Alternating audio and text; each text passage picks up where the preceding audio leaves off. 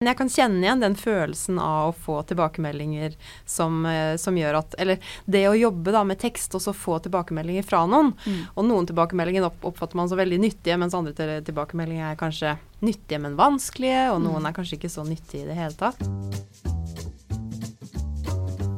Norskpraten. En pod for oss som elsker norskfaget. Med Maja Mikkelsen og Stine Brynildsen. Vi skal jo snakke om tilbakemeldinger i dag, mm. og vi skal snakke om vurdering for læring, nærmere bestemt vurdering for norsklæring. Mm.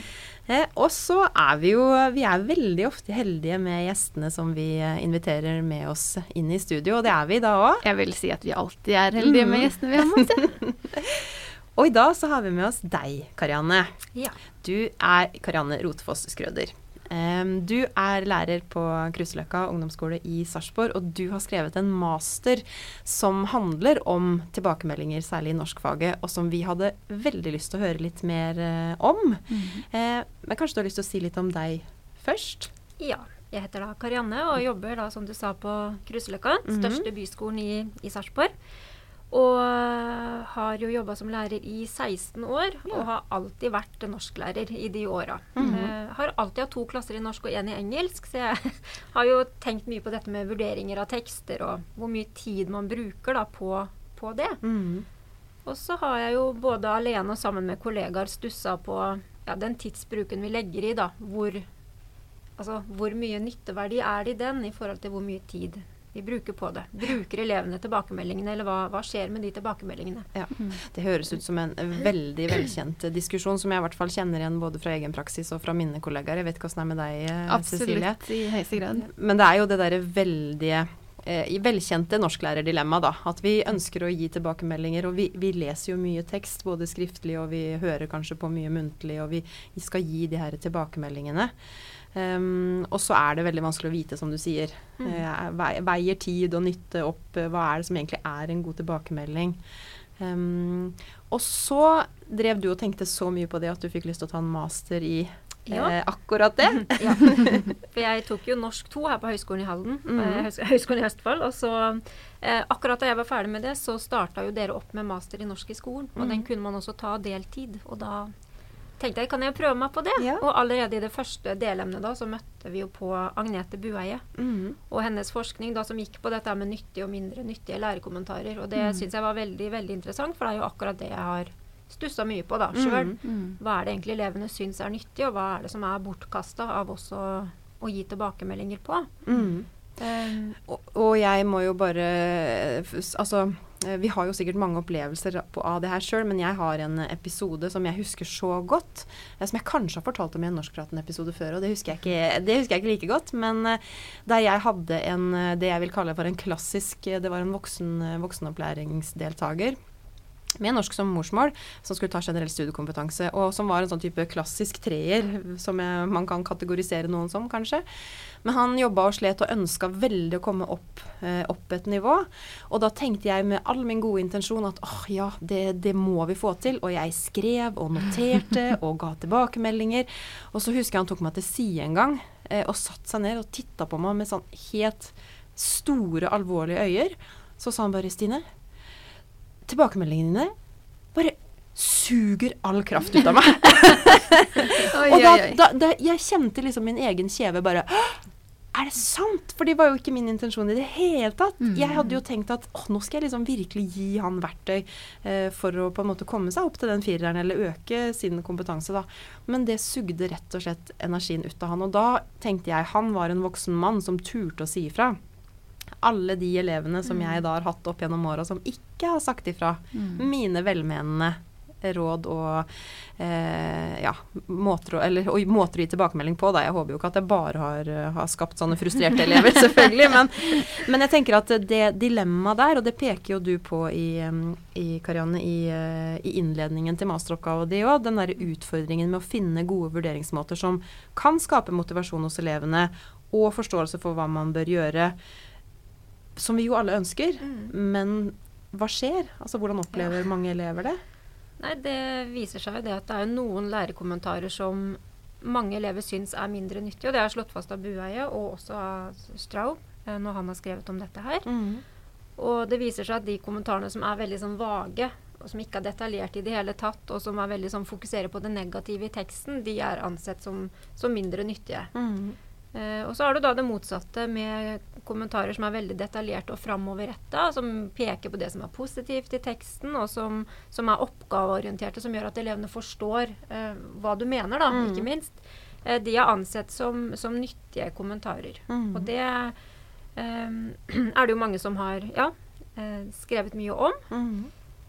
Og vi, bare for å ta, skyte inn det, vi mm. legger jo ut lenke selvfølgelig i bloggen vår til både Agnete Bueie og Rikard Straub, som du henviste til, og din egen eh, masteroppgave, som man kan gå inn der og, der å lese. Men det er altså eh, forskningsmessig fastslått, det er vel det hun Agnete Bueie har gjort, og mm. han Rikard Straub òg, hva som på en måte kan regnes som nyttige og mindre nyttige kommentarer.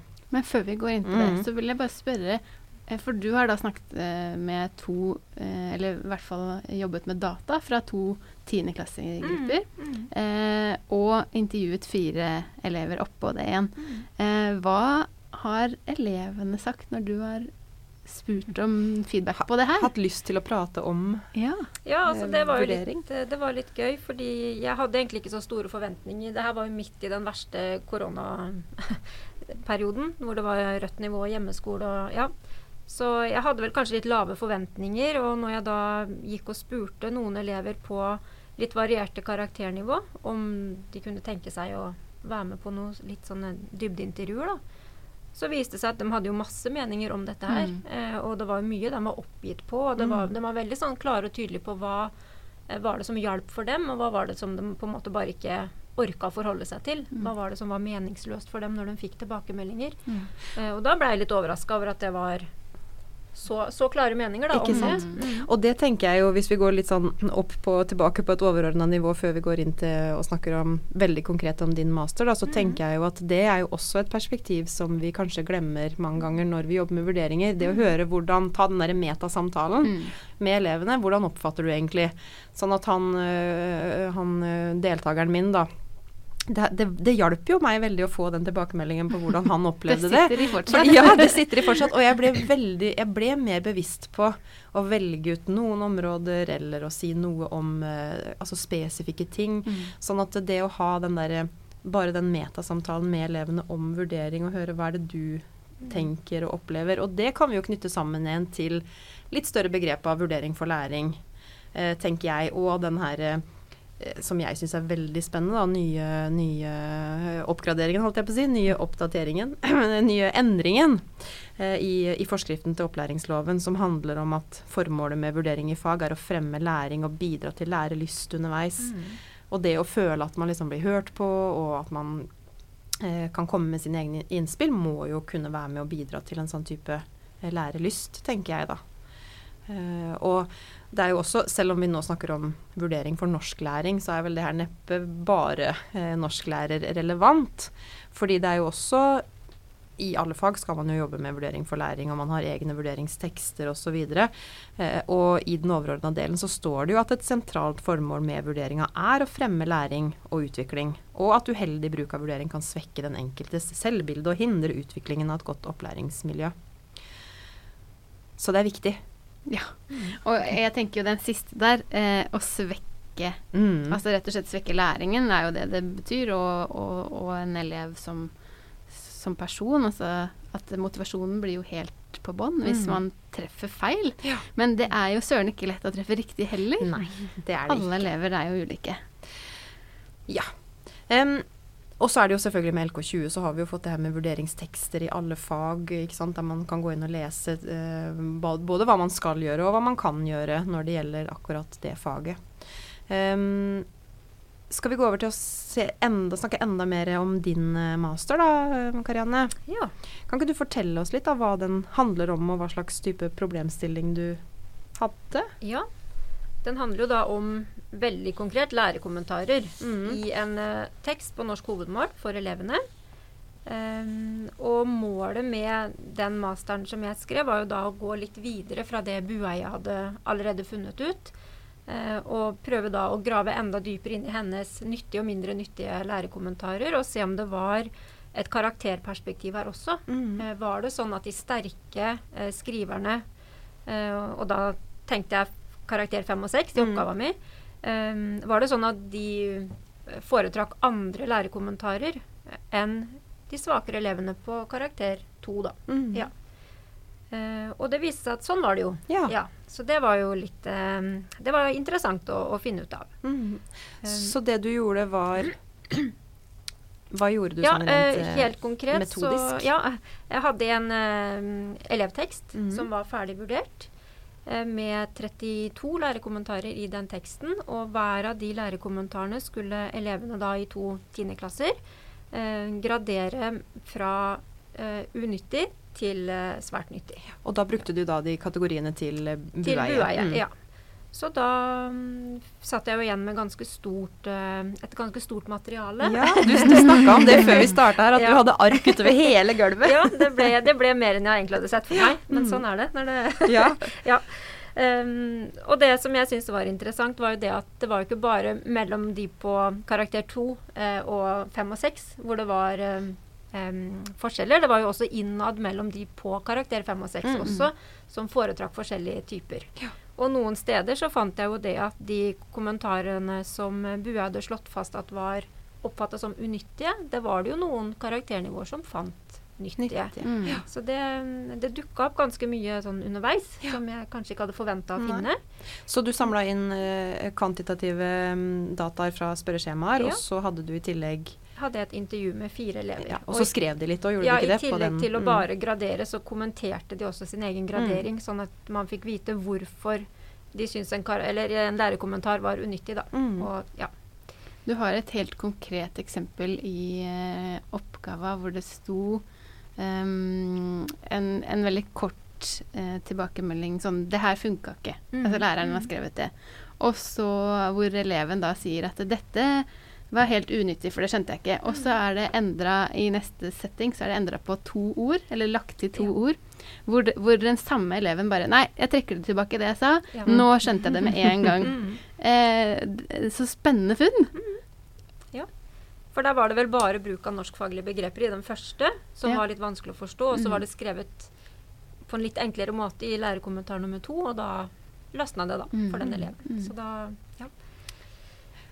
Ja. Mm. For du, hvis vi skal bare gjenta de her nyttige og Vi skal jo snakke mye om nyttige lærekommentarer og mindre nyttige, så er det da Mm. Buaie sier at nyttige lærekommentarer er detaljerte, oppgaveorienterte, gitt i rimelig tid etter at oppgaven ble utført, fokuserer på styrkene og fokuserer på det som kan forbedres.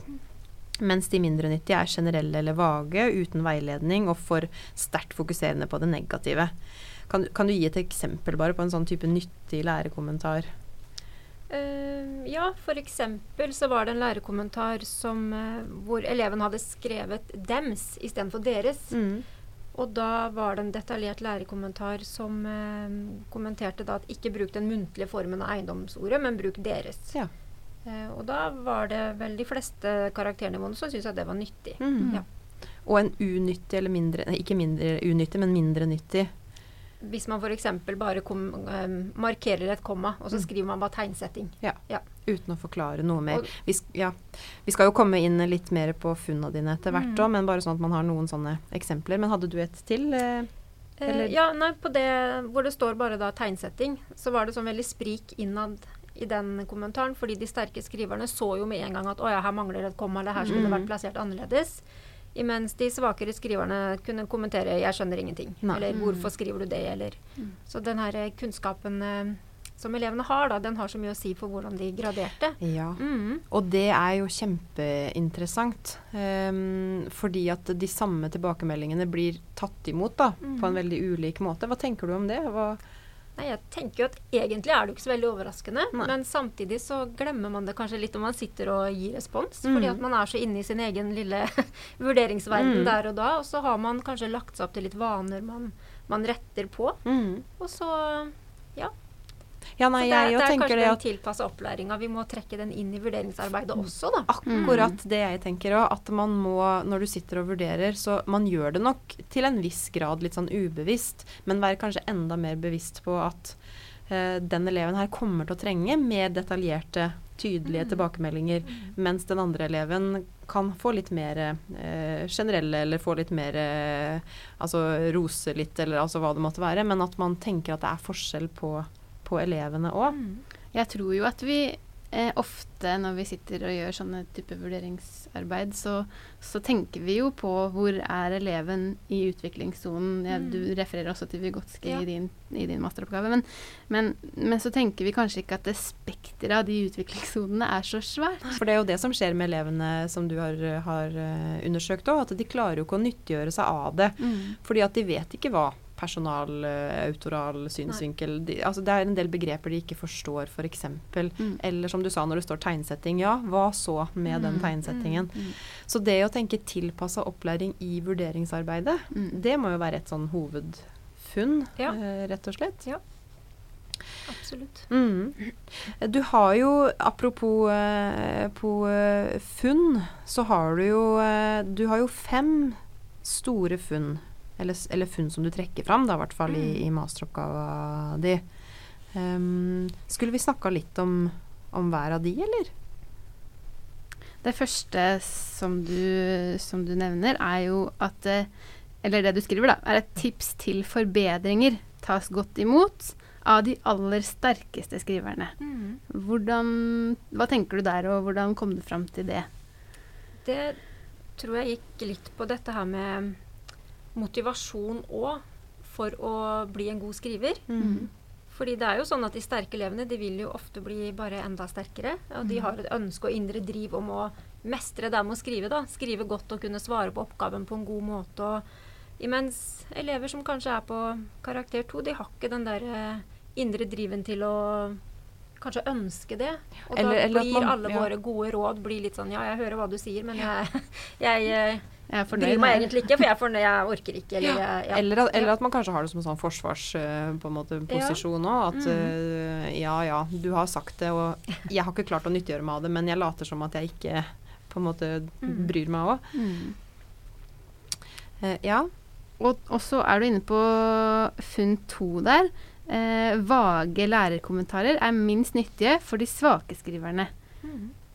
Hva betyr vage lærerkommentarer? Ja, da er det litt det vi snakka om i stad, det Mm. med at noe som er vagt for meg, er kanskje ikke vagt for deg, Mm. fordi du har mer kunnskap enn meg. Mm. Og da blir det Um, det, begrepet vagt, da, det er også veldig sånn udefinert. Ja. Ja. at, uh, ja, og jeg tror kanskje det er mer ting som er vagt for de svake skriverne, i og med at ja, de er svakere i, i skriveprosessen sin. Mm. De, de sliter med mer enn de sterke. Mm. Og da vil det som er vagt for de svake, det vil kanskje ikke være vagt for de, for de som er sterkere. Nei, for igjen så handler det sikkert om det her med å forstå mange begrep, vil jeg tippe. Mm. Altså og, mange, mm, mange fagbegrep, selvfølgelig. Men, men, men også det at hvis ikke det er veldig sånn detaljert og konkret, så klarer du igjen ikke å nyttiggjøre deg av det, rett og slett. For det var vel også en lærerkommentar som var 'ikke bruk sammenligning subjunksjon her', eller subjunksjon her. Mm. Og da var det noen svakere skrivere som skrev 'hva', eh, hva mener du? Mm. Mm. Mens de sterke skriverne graderte den som nyttig. Mm. Og liksom 'OK, det skal jeg huske på til neste gang'. Ja. Så det er den førforståelsen òg, tenker jeg, som elevene kommer inn i når de setter seg inn og leser de lærerkommentarene. At ja, de er på så forskjellig nivå, da. Mm. Det er jo en annen ting som vi også kunne hatt sikkert et eget program, program om, er jo det her med hvordan få elever til å lese eh, tilbakemeldingene, Tilbakemelding. faktisk. For det er, vil jeg også tippe er ganske stor forskjell i forhold til motiverte og umotiverte elever, eller elever som mestrer og elever som strever. Men eh, analysefunn nummer tre, den har du kalt for tydelig sprik i nytteverdi innad blant de sterke skriverne. Ja, Hva handler det om? Det var et interessant funn, syns jeg, fordi der var det um, Altså de lærerkommentarene som ikke hadde så sterk uh, st uh, Så mye veiledning i seg. Der var det sånn at de som hadde karakteren 6, de graderte de som svært nyttige. Mhm. Imens de som hadde karakter 5, de graderte dem ikke som svært nyttige. Og det var litt interessant å vite da, eller å lese da mm, kommentarene, fordi eh, de på karakter 6 de sa jeg måtte sjekke det opp sjøl før jeg forsto hva du Ah, mente, men så skjønte jeg det. Imens de på karakternivå 5, de forventa litt mer service. Ja. Liksom forklar meg mer. Mm. Eh, Og det er kanskje det er Noen ganger er det liksom vanskelig å sette fingeren på hva er det som skiller en femmerkandidat fra en sekserkandidat. Og kanskje vi er inne på noe der, at sekserne de har litt ja, litt sterkere indre motor da, på å Mm. finne ut av ting litt sjøl. Mm. Har noen strategier rett og Ja. slett som de tar i bruk nesten Mhm. litt sånn automatisk eh, for å, ja, som du sier, finne ut av noe. Ja. Jeg syns jo det er veldig spennende at du i det hele tatt bruker karakternivå i eh, Ja. funnene dine, men også det at det er For én ting er jo at ja, man ser tydelige funn. Eh, de sterke skriverne gjør sånn, og de, de svakere gjør sånn. Men så innad Ja. i de gruppene også, så er det så store forskjeller. Og det tenker jeg jo eh, Det er jo en kjempeutfordring for oss lærere. Det å finne riktig inngangsport. Absolutt, og det henger jo i grunnen Det henger jo sikkert sammen med det som et annet tema som du er opptatt av, Cecilie, nemlig kommunikasjon. Og det her med å klare både å kommunisere, men òg ta imot eh, det, den eh, tilbake Eller de tinga som blir kommunisert, da. Mm. Veldig, veldig interessant. Over på analysefunn fire mm. så skriver du spørsmålsformuleringer kan skape frustrasjon, og den kjenner jeg Ja, meg den var morsom. Ja. Eh, det, grunnen til at vi tok med spørsmålsformuleringer i kommentarene, var det at eh, Richard Straub hadde jo slått fast at det å eh, på en måte etterstrebe å få til en kommunikasjon da, Mm. i, i responssettinger, også skriftlige, Um, det hadde han funnet at var nyttig. Mm. Uh, han, hadde jo, eh, han hadde jo studert på studenter. eh, og Buøy hadde vel også til en viss grad funnet at spørsmål var, fungerte greit, men ikke, ikke like sterkt som Nei. han. Så man burde stille spørsmål Ja. ifølge Schraub Straub, i Ja. hvert fall. Um, men eh, i hvert fall uh, materialet jeg fikk inn da, så blei det litt sånn frustrasjon. Hvorfor stiller du spørsmål? Skal ikke du lære oss? Ja. Eh, hvorfor lurer du på det? Vet ikke du det? Eh, så det fungerte ikke her, i hvert fall. I den settingen her. Og det var liksom over alle karakternivåene. Det var ikke noe, Nei. ikke noe Sånn at- differensiering der. Kan det ha noe med modenhet å gjøre òg? Ja. Fordi jeg tenker du må jo ha en viss Du må jo forstå at det er et type retorisk spørsmål. eh, at ikke det er et faktisk spørsmål. Det er jo også litt sånn artig detalj i, den, i mastergraden din er jo at du måtte jo kutte ut en elev ehm, Ja. som svarte på spørsmålet. Ja. som, som tok det veldig bokstavelig og svarte på det spørsmålet. Eh, sånn at det kan jo kanskje, eh, hvis jeg skal tippe, da kan det jo hende at det har noe med modenhet å gjøre òg. Eh, I hvert fall vet man man sliter jo litt med ironi, og man sliter jo med litt sånn å overføre ting. Men, men ellers så, så er det Eller den, tenkte jeg, da, den forventningen som du òg sa, som noen elever sa, men skal ikke du lære meg? Mm. Hvorfor spør du? Ja. Um, og at, eh, ja. Selv om jeg liker jo han Straub sin tankegang òg, om at Mm. det å stille et spørsmål, få noen til å reflektere Mm. sjøl. men kanskje man må være veldig forsiktig med hva slags type spørsmål man Ja. stiller. Og det var også noen som oppfatta spørsmål som litt sånn sarkastisk. Oh, ja. At det var litt sånn, virka litt sånn fordummende. ja. Mm. For det var en kommentar som var 'Hvorfor setter du komma her?' Og det er klart, Hvis du leser den med forskjellig ordlyd, da, Ja. så kan jo det bli et ganske Mhm. sarkastisk og litt sånn frekt spørsmål, Ja, ja, ja. egentlig. Men Det var jo ikke ment sånn. Men uh, sånn blei det tydeligvis oppfatta Ja. av uh, flere elever. Ja, det er veldig interessant. Ja. Um, tenke gjennom spørsmål og uh, igjen kanskje kommunisere med elevene på forhånd òg. At når jeg stiller et spørsmål, så er det fordi jeg ønsker at dere skal tenke, Mm. tenke over det. Det er ikke fordi at jeg ikke vet det, eller fordi jeg tuller med dere, da. Mm. Uh, og så har du den siste, som er 'ros er godt mottatt'. Ja. Og den var unison. unison. Men det var også en liten differensiering der som var litt morsom. Fordi eh, jo lavere karakternivå eleven var på, eh, jo mer ukritisk ble man til rosen. Bare man fikk Ja. ros, så var det greit. liksom Fint innhold. Det var supert å få vite, og det motiverte. Og, men eh, på femmer- og sekserelevene så var det sånn at ja, det var greit å få ros, men hvorfor? Ja. Hva er det med dette innholdet Mm. som er fint, som gjør at jeg kan gjøre det samme Mm. neste gang? Eh, Så var det vel også en elev som sa 'komplimenter er nice, men Ja. ikke nødvendig'. ja. Det var mange gode kommentarer på det, men ros var jo ja, alt i alt veldig godt mottatt. Da. Mm. Men med litt større krav til hvorfor rosen kom, jo høyere opp i karakternivåene elevene var. Mm. Så, så hva, hvordan opplevde du det egentlig, å sitte og jobbe med de dataene her? Altså, hva, hva tenkte du underveis, på en måte? Jeg tror kanskje at jeg hadde forventa Eller jeg hadde nok gjort meg opp en mening på forhånd Ja. hva jeg kom til å finne, og så fant jeg så mye mer. Ja. Ja, jeg hadde vel forventa at de sterke elevene skulle egentlig tenke at det meste var greit, og at de svake kanskje skulle bli litt mer Synes at litt mer var nyttig enn de kanskje gjorde. Mm. Um, men det er kanskje sånn man tenker hvis man er Hvis man sliter med et område, da, så tenker jeg da vil man kanskje ha masse hjelp og Mm. veiledning til det. Men ja. sånn var det jo ikke. For Nei. det var jo mye, mye som de svakere skriverne syns ikke var verdt å bry seg med, eller orker ikke, eller dette kommer jeg ikke til å huske til neste gang allikevel. Nei. Så det var mye Det var kanskje litt overraskende å, å finne. Mhm. Og så er det jo, det glemte vi jo å snakke litt om sånn innledningsvis, da, men du poengterer jo i masteroppgaven din òg at eh, det du er det, er det på en måte vurdering for læring, eller er det vurdering av læring du har undersøkt? Mhm. Vil du si litt om det? Ja, for det her var jo en terminprøve rundt juletider som på en måte skulle avslutte første termin. Mm. Um, og på den måten så kan man jo si at dette her var en sånn vurdering av læring. Mm. Av det vi hadde jobba med i første termin. Eh, samtidig var jo ikke det her den siste teksten de noen gang kom til å skrive. og det, er, ja, vi, det, de her er jo delt inn på globalt og, og lokalt tekstnivå, de lærekommentarene. Eh, Kan, kan du Og- si litt om hva globalt og lokalt Ja. er, før vi fortsetter? globalt tekstnivå, det går litt på sånn universelle tekst, eh, tekstdeler. Altså er det en overskrift, er det hoveddel, Mm. er det en fin avslutning som henger sammen med innledninga? Sjangertype? Sjangertype, ja. Det som på en måte gjelder for flere tekster enn bare den du skriver akkurat Mm. nå. Imens lokalt tekstnivå, det kan være mm, ordnivå, tegnsetting, Mm. de her litt mer formelle ferdighetene da, som du skal kunne vise i en, i en tekst. Ja. Mm. Um, Og så sier du eh, i avslutningen din av oppgaven, så snakker du litt om ja, vi var på vurdering for læring og vurdering Ja. av læring. Vi skulle, var, det var noe vi skulle Ja. avslutte der, Vi har Eh, glemt hva det var.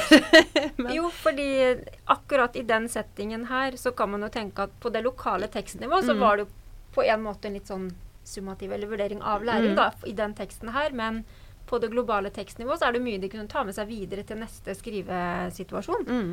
Um, Og, og uansett, tenker jeg, så har jo de, de nyttige kommentarene, de mindre nyttige, måten man oppfatter det på, er jo det samme. Eh, Ja. Om det er for så vidt er en summativ eller formativ eh, vurderingssituasjon. Men ideelt sett så burde man jo selvfølgelig jobbe mest mulig formativt, og man kunne bruke de tilbakemeldingene Mhm. eh, òg, da. Men, men jeg tenker prinsippene blir jo mye av de samme. Ja.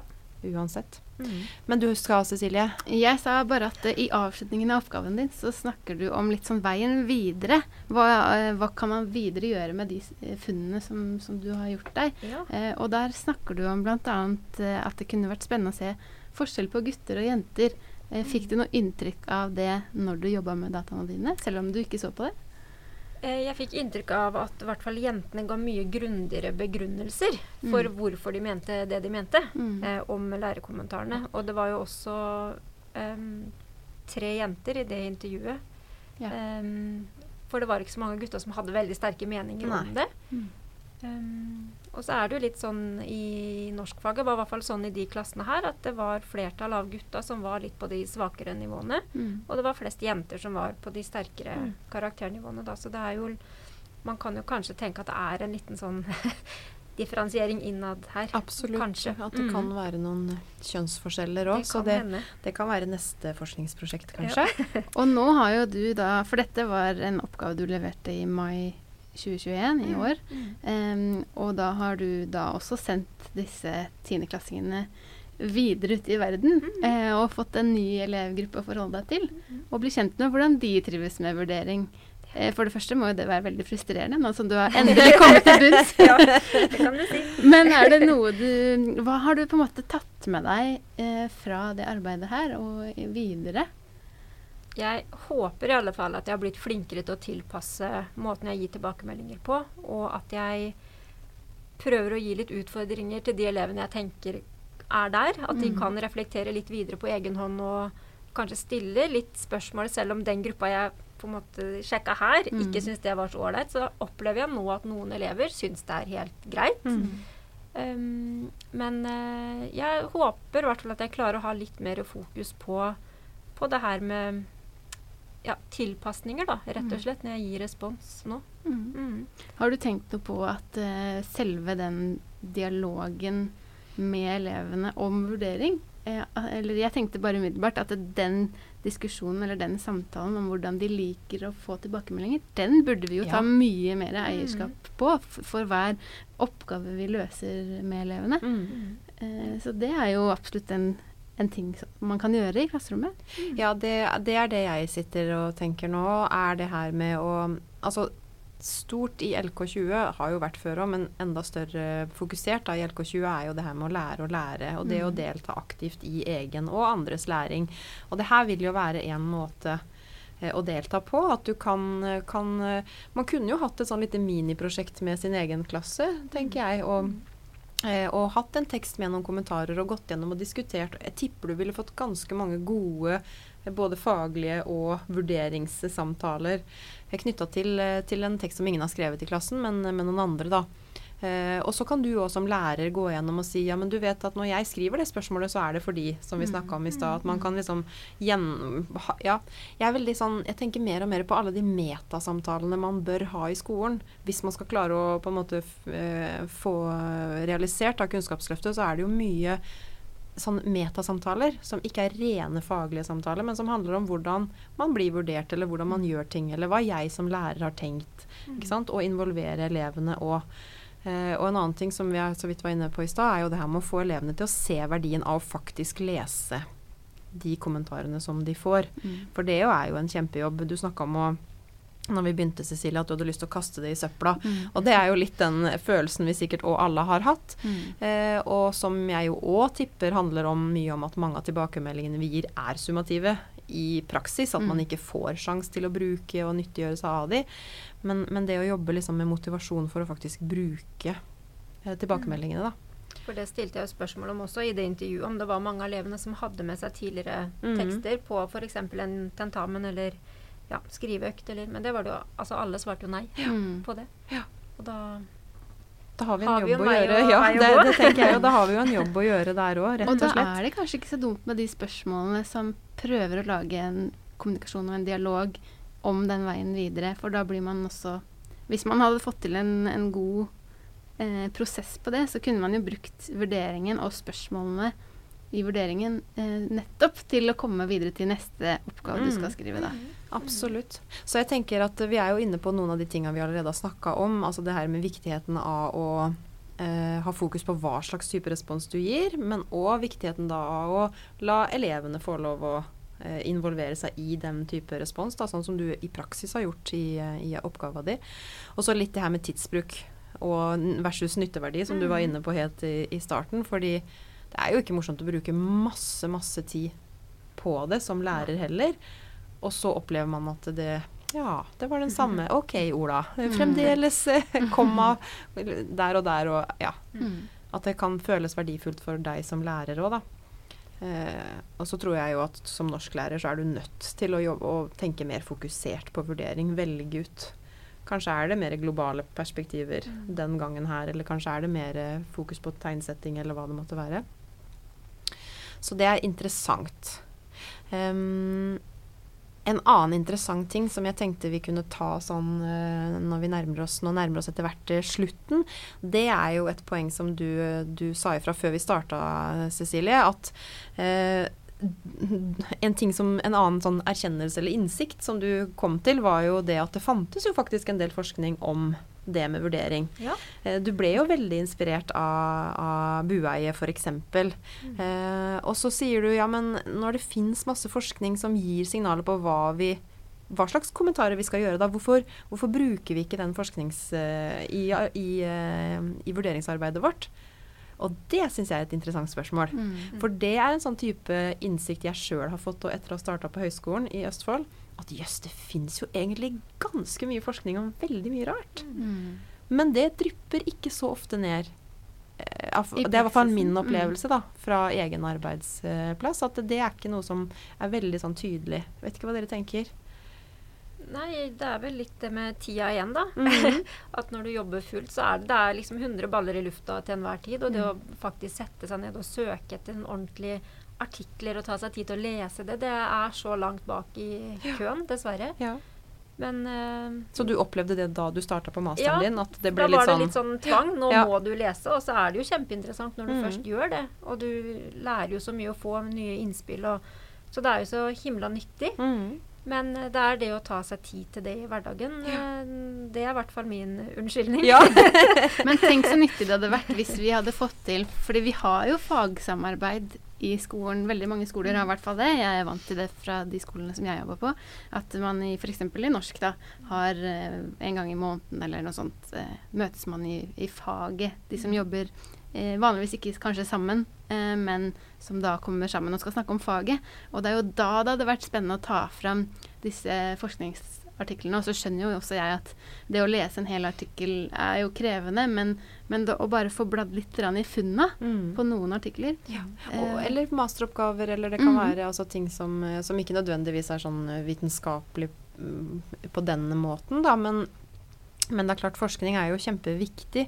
Og jeg tenker også det at uh, Jeg er helt enig med det, det du sier, Cecilie. Det å sette av tid til å faktisk diskutere Hvis alle hadde lest Bueie sin artikkel, da, og så kunne man i seksjonen, i norskseksjonen på Kruseløkka eller hvilken som helst skole satt seg ned og diskutert ok, hva, hva betyr det her egentlig for oss, og hva, hva tenker dere om det dere har lest, mm. osv. En liten sånn bokklubb bare liten, i ja, rett og slett en, en liten bokklubb bare med forskningsartikler. Og um, det fins jo forskning, nå burde jeg jo selvfølgelig ha, ha referansen til den, det husker jeg ikke, men jeg har lest eh, en, eh, en forskningsartikkel en gang som sier at lærere egentlig er ganske dårlige på å lese Mm. uh, forskning.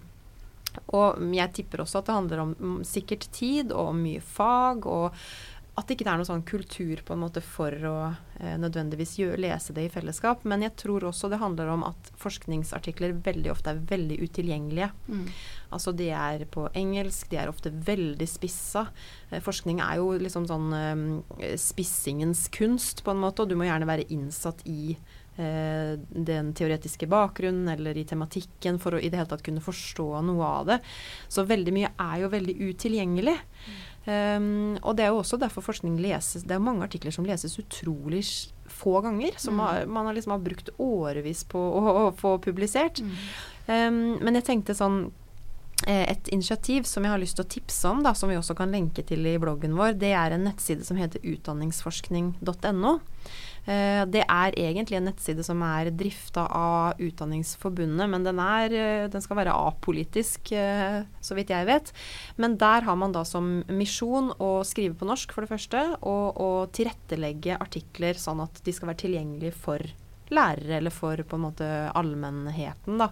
Så hvis du f.eks. går inn på utdanningsforskning.no og søker vurdering for læring, så får du opp masse eh, artikler knytta til vurdering for læring. Eh, jeg bare gjorde det rett før vi kom i, stad, og da er det en del knytta til, eh, til engelsk, og noe til norsk, og noe til litt mer sånn overgripende eh, Noen nyhetssaker osv. òg, som ikke er forskning, da. Men, men det er mitt tips for å liksom begynne å lese litt mer forskning. Ta, søk vurdering for læring, og så finn en eller annen interessant artikkel. Ta med deg til seksjonslederen din eller hvem det er. Si det her må vi bare snakke om, Mm. tenker jeg. Ja, for der har jo alle lærerne et ansvar. Eh, jeg vil gjerne eh, si at eh, ledelsen også har et stort Ja, ansvar her. Men, men vi lærere kan ikke alltid skylde på lederen vi, heller. Vi, vi behøver ikke sitte og vente hver gang, i hvert fall. Men gjerne foreslå det for ledere òg, eller ta det med. Um, det kan være en sånn uh, nyttig lærerkommentar Mm. til ledelsen, tenker jeg. Hva slags vurdering vil du gi på samtalen i dag, Stine? Eh, Jeg, jeg, jeg, jeg, syns at vi har vært ganske detaljerte. Vi har vært oppgaveorienterte. Vi har gitt tilbakemelding rimelig tid og fokuserer på styrkene. Og der kan du referere til Bueie, eller? Jeg vil bare rose denne podkasten veldig. Det har i hvert fall vært veldig veldig gøy, og det har vært veldig innsiktsfullt. Og som sagt, vi, vi legger ut lenker til både masteroppgava di, Karianne, og til de forskningsartiklene vi har nevnt, og til utdanningsforskning.no. Så her er det bare å grave videre. Men eh, tusen, tusen takk for at du kom.